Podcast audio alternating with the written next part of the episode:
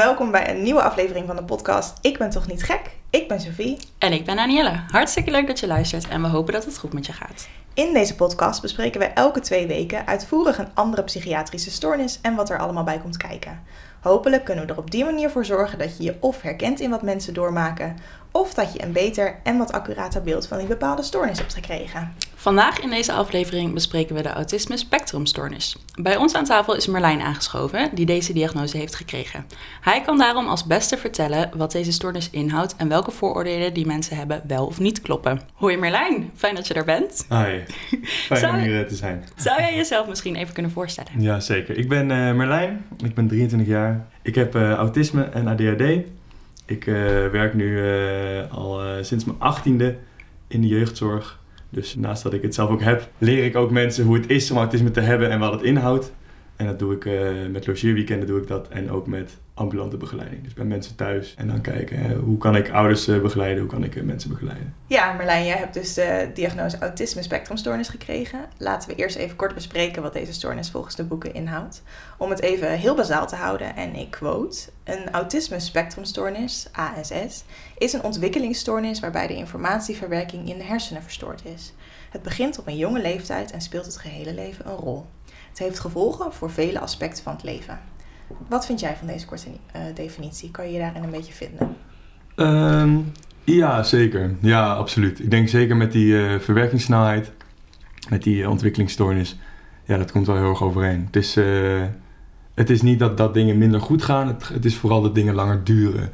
En dat de dingen die binnenkomen, die zijn of wat heftiger, of die duren wat langer. En wat ik ook heel vaak tegen andere mensen zeg die nog niet zoveel afweten van autisme. eh, voor iemand die geen autisme heeft, is het heel erg alsof je een, puzzel aan het leggen bent. Waarin als je geen autisme hebt, krijg je die puzzelstukjes één voor één op de juiste volgorde krijg je die binnen. En die leg je dan achter elkaar netjes neer. En als je autisme hebt, dan eh, in plaats van dat je zo'n puzzel hebt met vier stukken, waarin je geen autisme hebt, je krijgt stuk 1, 2, 3, 4. Heb je als autist heb je een puzzel met acht stukken, die maar gewoon lukraak naar je toe worden gegooid. En dat je dan moet gaan kijken, moet ik die zo vasthouden? Moet die, moet die boven, moet die onder, moet die links, moet die rechts? En waar in die puzzel past die precies? Ehm, dus het is niet dat we dat, dat, het, dat als autisten, eh, even we te zeggen, ehm, dat we per se andere dingen zien of andere dingen meemaken. Maar het is echt dat het langer duurt voordat we een heel plaatje hebben. En dat maakt het af en toe lastig om snel antwoord te geven. Dat maakt het lastig om ja, eh, mee te komen met de rest, met de groep. En vooral op school ook, waarin eh, er heel erg wordt gesteld op dat vierdelige puzzeltje. eh, en waarin je als autist met het achtdelige puzzeltje vaak er niet helemaal tussen past. En ja, wij als leken, zeg maar, over autisme. Ja. Ja, we hebben zoiets van, volgens ons zijn er zeg maar verschillende vormen van autisme. Klopt dat? Ja, ja vroeger, vroeger had, had- was dat wel zo. Vroeger hebben we het over. pff, als ik het verkeerd heb, dan, eh, dan horen we dat vanzelf. Maar volgens mij in 2002 is er een, er is een boek geschreven. het is de DSM heet dat. En dat is eh, eigenlijk het hele boek vol met stoornissen. Psychiatrische stoornissen, persoonlijkheidsstoornissen, ontwikkelingsstoornissen. Elke stoornis staat in dat boek. En vanaf 2002 is dat DSM-4, die is daarvoor dus geschreven. En vanaf 2002 is dat DSM-5 geworden. En elk jaar, elke zoveel jaar, 30 jaar, wordt er een nieuw boek geschreven. En er worden er aanpassingen in gemaakt. Voor 2002 zat daar nog eh, ASS, was dan eh, PDD-NOS en Asperger, klassiek autisme, MCDD. En dan zijn er nog meer die wat kleiner zijn, maar dat zijn de vier grootste, naar wat ik weet. En ik heb zelf toen destijds PDD-NOS als diagnose gekregen. Alleen nu valt iedereen gewoon onder autisme en is het een spectrum in plaats van een hokje. Heeft dat voor jou verschil gemaakt dat je dus niet meer in een hokje valt, maar dat het een veel breder spectrum is geworden? Nee, ik vond het altijd wel makkelijk om uit te leggen. Want ik kreeg heel vaak te horen, ja, maar, maar je hebt toch helemaal geen autisme? Want je kan gewoon praten met mensen en je maakt gewoon oogcontact. Ja, ja, ja, ja, best wel, best wel. Dat kreeg Ik kan gewoon praten, je hebt toch geen autisme? Ja, en je weet je gewoon goed te verwoorden. En als je dan met vriendjes speelt, dan is het allemaal eh, niet heel moeilijk over het algemeen. Mm. Maar dat PDD-NOS betekent, eh, betekent eigenlijk, je hebt niet genoeg eh, criteria om als autist neergezet te worden. Maar je hebt er wel genoeg dat je een ontwikkelingsstoornis hebt. Mm, Ehm, ja. En de NOS daarin staat voor not otherwise specified, dus niet anders aangegeven. Dus dat zegt, je hebt er wel drie van de zes, dus niet genoeg om autisme te hebben, maar wel genoeg dat je een stempel krijgt waarmee je dus hulp kan krijgen. ja, op die manier. Ja. Dus wel de erkenning van, oké, we zien dat je er last van Ja, hebt. ja, ja. Dus ja. we, ge- we geven je dit. Precies, ja, je krijgt echt wel de erkenning en er wordt echt wel gezegd van, hé, hey, we zien echt wel dat je achterloopt. Mhm. En dat komt niet eh, omdat je vervelend bent of omdat jij eh, snel boos wordt of omdat jij eh, gewoon lui bent. Maar dat is omdat jij een ontwikkelingsstoornis hebt. Want hoe lang is het geleden dat jij deze diagnose hebt gekregen? Dat was groep 6, dus dat is eh, 14 jaar geleden. Oké, dus Ja. zeg maar dat het vanaf Ja. kind af aan echt er al is, dat klopt dus ook. Ja, ja, ja, echt wel. Ja, ja, ja, ja. Ja, ja als kind nog veel meer. Ja, als kind nog veel meer dan als volwassene. Oké. Ja, ja, het is niet dat je het, dat je het, dat je het uitgroeit. Je verleert het echt niet. Het, het blijft echt wel je hele leven doorgaan. Mhm. Maar eh, naarmate je, of wat ik merk bij mezelf is, naarmate je ouder wordt, ehm, worden symptomen, komen ze meer op de achtergrond te staan. Ze zijn er nog wel, en, eh, je, maar je leert er wel mee omgaan. Oké.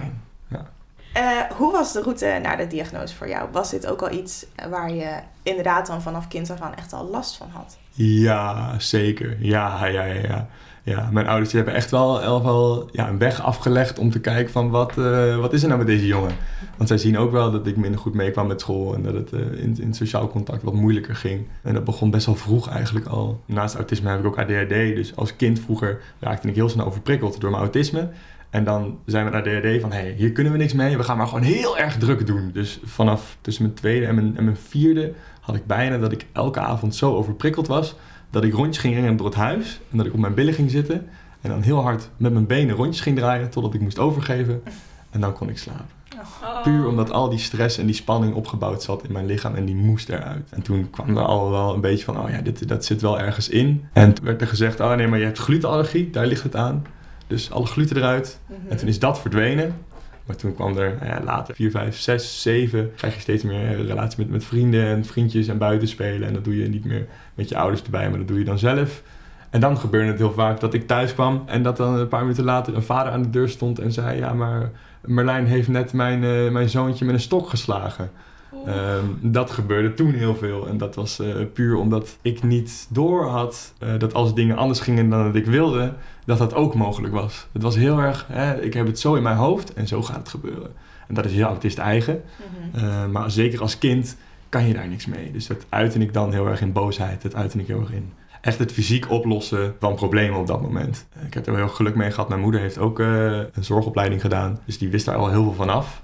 En die wist, nou, zo ga je daarmee om en zo eh, neem je hem mee in die reis. Maar dat was nog heel algemeen. En toen uiteindelijk was het basisschool, waarin ik echt maar tot 12 uur 's middags. Alle andere kinderen hadden tot 3 uur. En ik maar tot 12 uur school. En dan werd ik gewoon opgehaald door mijn moeder. En dan gingen we in het bos wandelen, omdat ik gewoon niet meer kon focussen. En eh, toen de school zei ook dan, ja, je loopt daar vast. Je kan gewoon, je komt niet mee. En als dit zo verder doorgaat, ga je een nog grotere achterstand opbouwen. En wordt het echt te groot. Toen is er besloten dat ik naar een zorgaanbieder die daar een diagnose ging stellen. En al heel snel was het, oh ja, dit is eh, autisme, PDD-NOS en ADHD. En hebben je, hebben je ouders toen ook zeg maar handvaten gekregen van hoe kunnen we hier samen met jou beter naar, naar kijken? Of zeg maar, ja, dat je het makkelijker maakt voor jezelf? Ja, absoluut. Absoluut. Ja, ja, ja, want ik, ehm, ik heb die diagnose in de kerst gekregen, de kerstvakantie. Ik denk dat ik in januari, half februari, zat ik op speciaal onderwijs. Dus ik ben meteen daar van die, van die reguliere school afgehaald. Meteen hè, paaltjes doorzetten. Ja. Daar zijn mijn ouders heel erg van, gewoon, hè, is er iets aan de hand? Gaan we doorzetten, gaan we Ja. knallen. Ja. Eh, dus anderhalve maand later zat ik op speciaal onderwijs. Nou, dat scheelde al. De klassen zijn helft zo klein.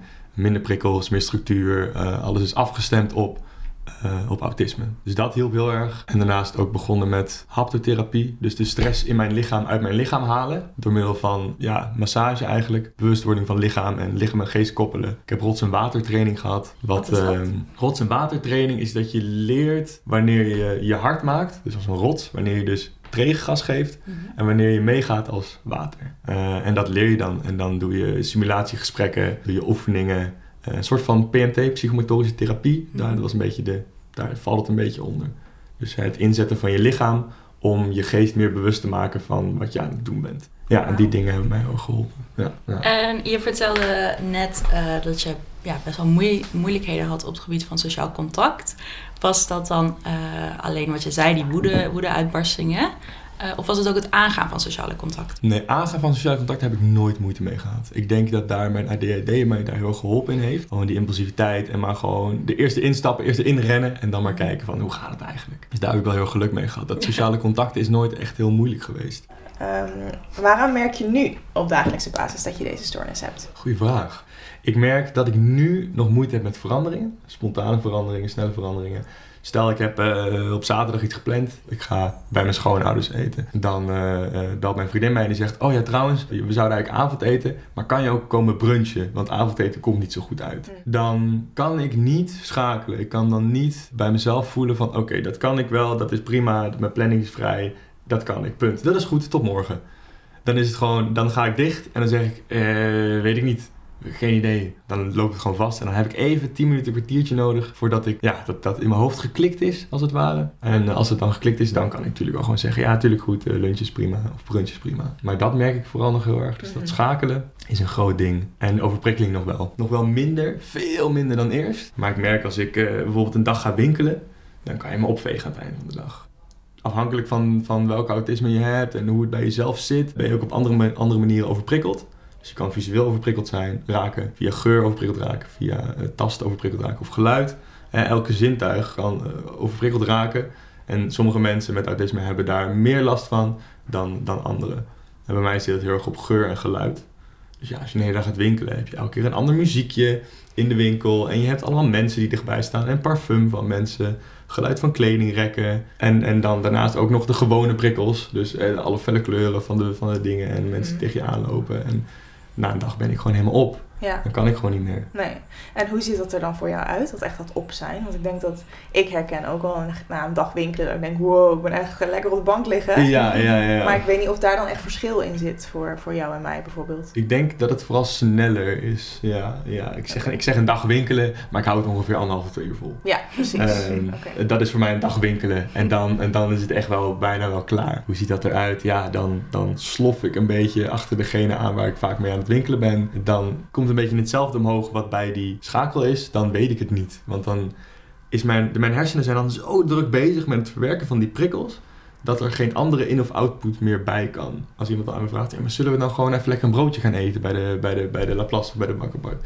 Ja, nee, uh, weet ik niet, weet ik niet. Oh ja, moet je even niet, uh, gaan we niet even naar het park toe? Nee, uh, weet ik niet. Ja. Maar dat het gewoon, alles is dan te veel. En dan kan ik ook niet aangeven wat ik nodig heb en wat ik wil. En dan is het gewoon... Ja. Gewoon op, inderdaad. Gewoon op, ja. ja sla ik een beetje dicht als ja, het ware. Ja, precies. Wat helpt voor jou dan op zo'n moment om je prikkels weer naar beneden te krijgen? Iemand die zegt, we gaan nu dit doen, punt. We gaan nu broodje halen, want uh, uh, waarschijnlijk heb je ook een beetje honger en heeft dat er ook mee te maken. Dus we gaan nu even wat eten halen. Ga in het park zitten en gaan we even met z'n tweeën een momentje voor jezelf. Duidelijkheid geven, structuur geven en gewoon zeggen, kom, pak mijn hand, we gaan dit nu even doen. Wat heb je nodig? Gewoon duidelijkheid eigenlijk. Nou, laten we dan doorgaan naar de grote misvattingen en vooroordelen die er over ASS bestaan. Wij denken dat een van de grootste vooroordelen over ASS zou zijn dat je totaal geen empathie zou hebben en geen sociaal contact kan aangaan. Hoe zit dat nou echt? Um, ik denk dat het bij mezelf helemaal niet van toepassing is. Ook omdat ik dat zelf heel erg geleerd gekregen heb. Ik denk dat, dat heel veel van mijn sociale skills zijn aangeleerde skills vanuit mijn ouders, vanuit mijn omgeving. Zoals ik al zei net, rots- en watertraining, de sociale vaardigheidstraining heb ik ook gehad.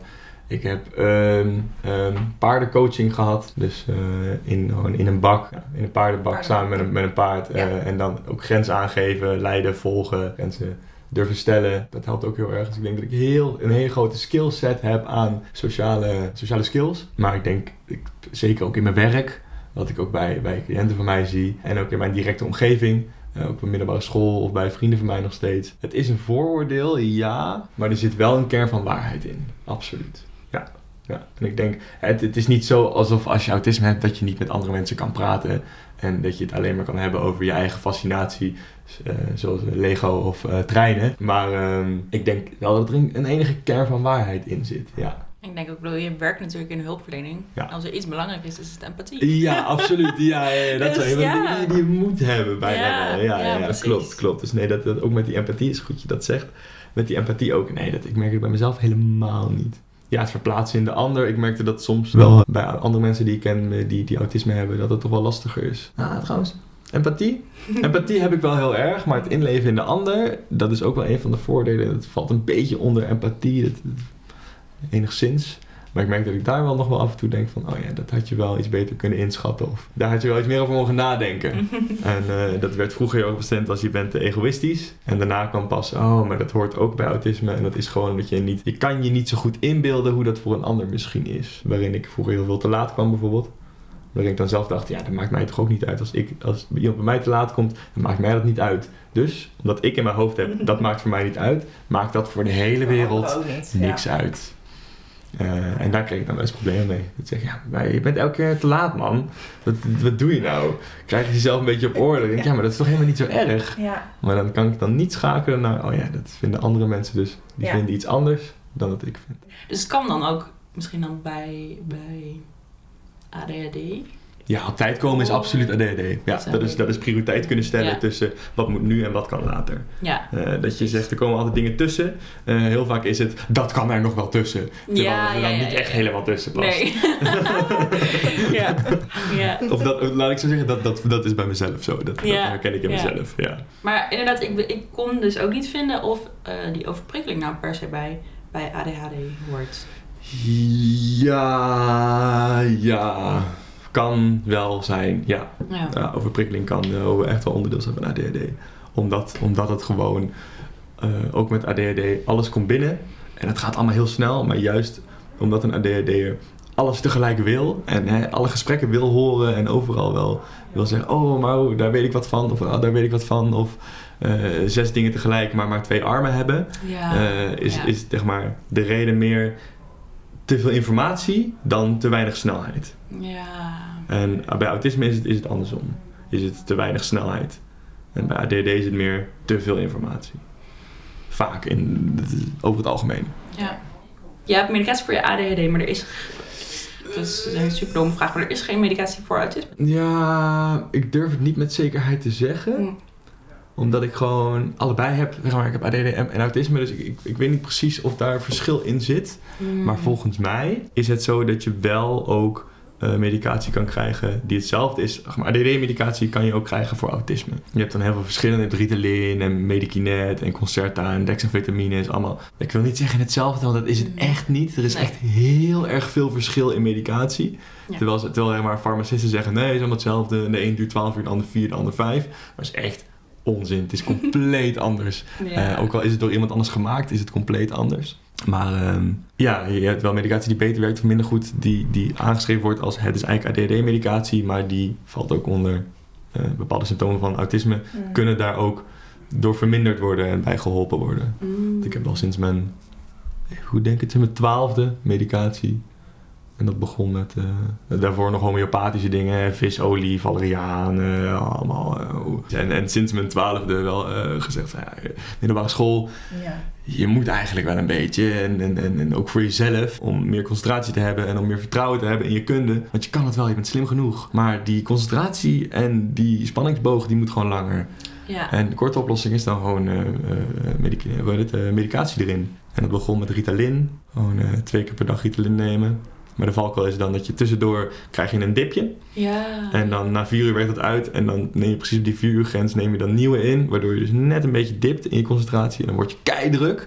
En dan daarna word je weer, gaat het weer goed. En daarna aan het einde van de dag dan stort je in. Omdat je dan alles wat, je, wat dan niet verwerkt is. Of alles wat dan, ja, die, die rust die je daarvoor had. Die moet dan gecompenseerd worden met een explosiviteit en drukte en zoiets bijvoorbeeld. Ja, en toen werd het eh Concerta. Dus dat is 12 uur lang. Mhm. Dat was op zich wel fijn, maar het probleem is dat je dan niet kan slapen. Dus dan moet je er uh, in gooien. Ja. En dan Oh. ga je het een met het ander bestrijden. En dat heb ik denk ik wel heel lang gedaan, die Concerta. Dat is heel fijn, ook met ADHD eh, in het achterhoofd. Je vergeet dingen en eh, je gaat alle kanten op. En oh, ik ben niet thuis, ook ik heb mijn tas niet mee. Ik heb geen medicatie mee. En dan smiddags heb je geen medicatie. En dan ben je echt, eh, dan na drie uur helemaal, helemaal hyper en alle kanten op. Dus zo'n concert was fijn, is 12 uur lang. En dan goed, dan neem je s'avonds melatonine om in slaap te komen. Het enige nadeel daarvan is dat je gewoon ehm Ritalin neemt alle prikkels weg. Dus niet alleen maar prikkels van buiten, maar ook je hongerprikkel, ook je emotieprikkel. Eh, ook je gevoelens voor andere mensen. Dat zijn ook allemaal prikkels. Komt ook allemaal, dat is allemaal intern, maar is ook allemaal prikkels.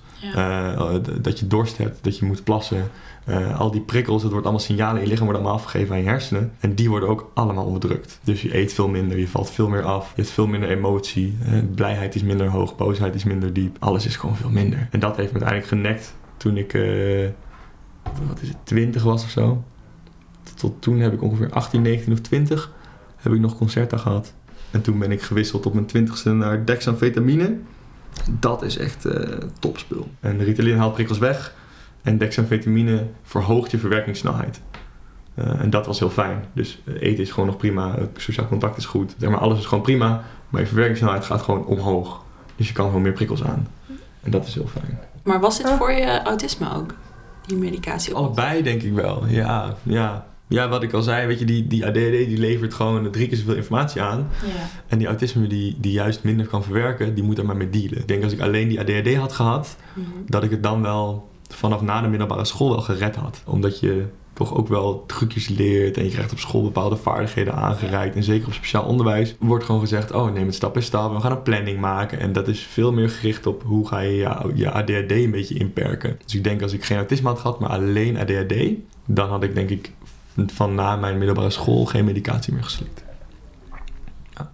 Heb jij zelf nog voorbeelden van vooroordelen die bestaan over ASS? Ja, ik heb er zeker nog wel eentje. Ja, ja, ja, dat, eh, dat alle autisten eh, een fascinatie moeten hebben. Oh ja. Allemaal. Die hebben allemaal treinen, of Star Wars, Ja. of ik veel, eh, boekenverzameling, of het verzamelen van spullen.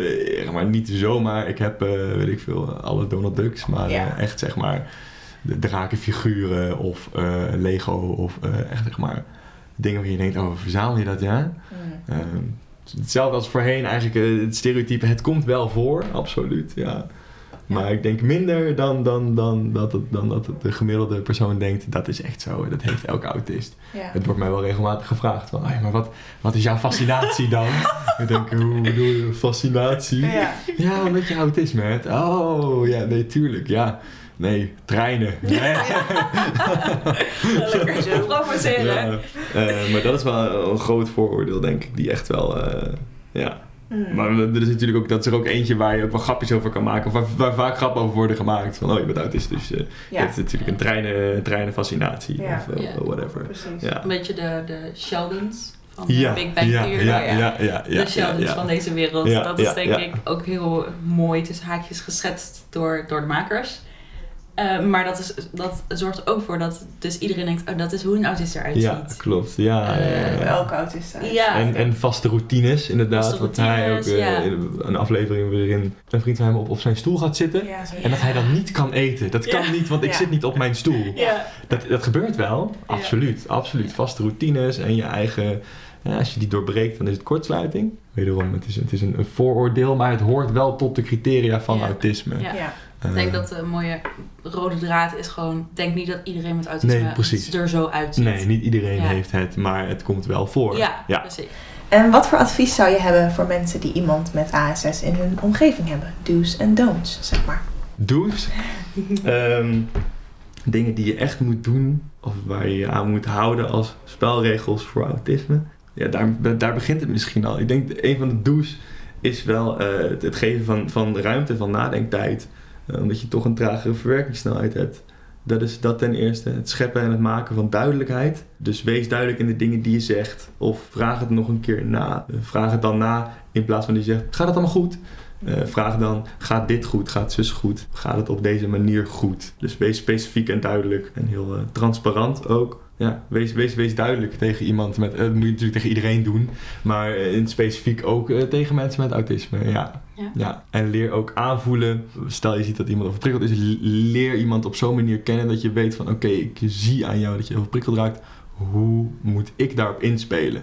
Hoe moet ik daar wat aan doen? Ja. En welke dingen heb je nodig? Je vertel, je vertelde net, wees transparant. Hoe bedoel je dat precies? Hoe ziet dat eruit? Laat ik het bij mezelf. Ik, ik merk heel bij mijn autisme dat eh, ik soort van voelsprieten heb van... Hey, ben jij eerlijk met mij of niet? En doe jij van buiten wie jij van binnen bent? Dus die congruentie. Eh, ben jij hetzelfde als jij zo meteen weggaat als dat jij nu voor mij staat? Die transparantie, dat bedoel ik dus met transparantie, is ontzettend belangrijk. Want zeker met autisme, wederom de duidelijkheid.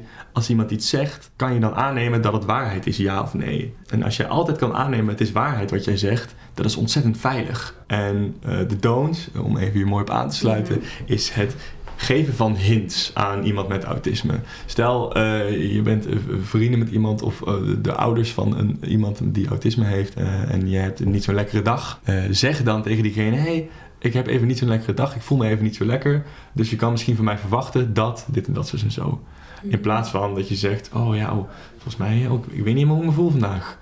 En dat je dan als ander persoon verwacht, oh, eh, nu gaat hij vragen hoe het met mij is. En dan gaat hij je Oh. doorvragen. En dan gaat hij vinden, oh ja, ik ben eigenlijk misschien boos op, op dat persoon met autisme. Of ik ben verdrietig. Dus de don't is het geven van hints in plaats van die duidelijke, gestructureerde communicatie. Daar zijn mensen natuurlijk wel goed in van. Oh, ik voel me niet zo goed vandaag. Ja, ja, maar de, daar, Vraag met me gaat nu. Dat doet Ja. helemaal niks mee. Helemaal niks mee. Dat, die, Ja. die, die, dat heet dan metacommunicatie. Ja, dat is ja, zeg ja. maar de, de communicatie die op de tweede laag ligt.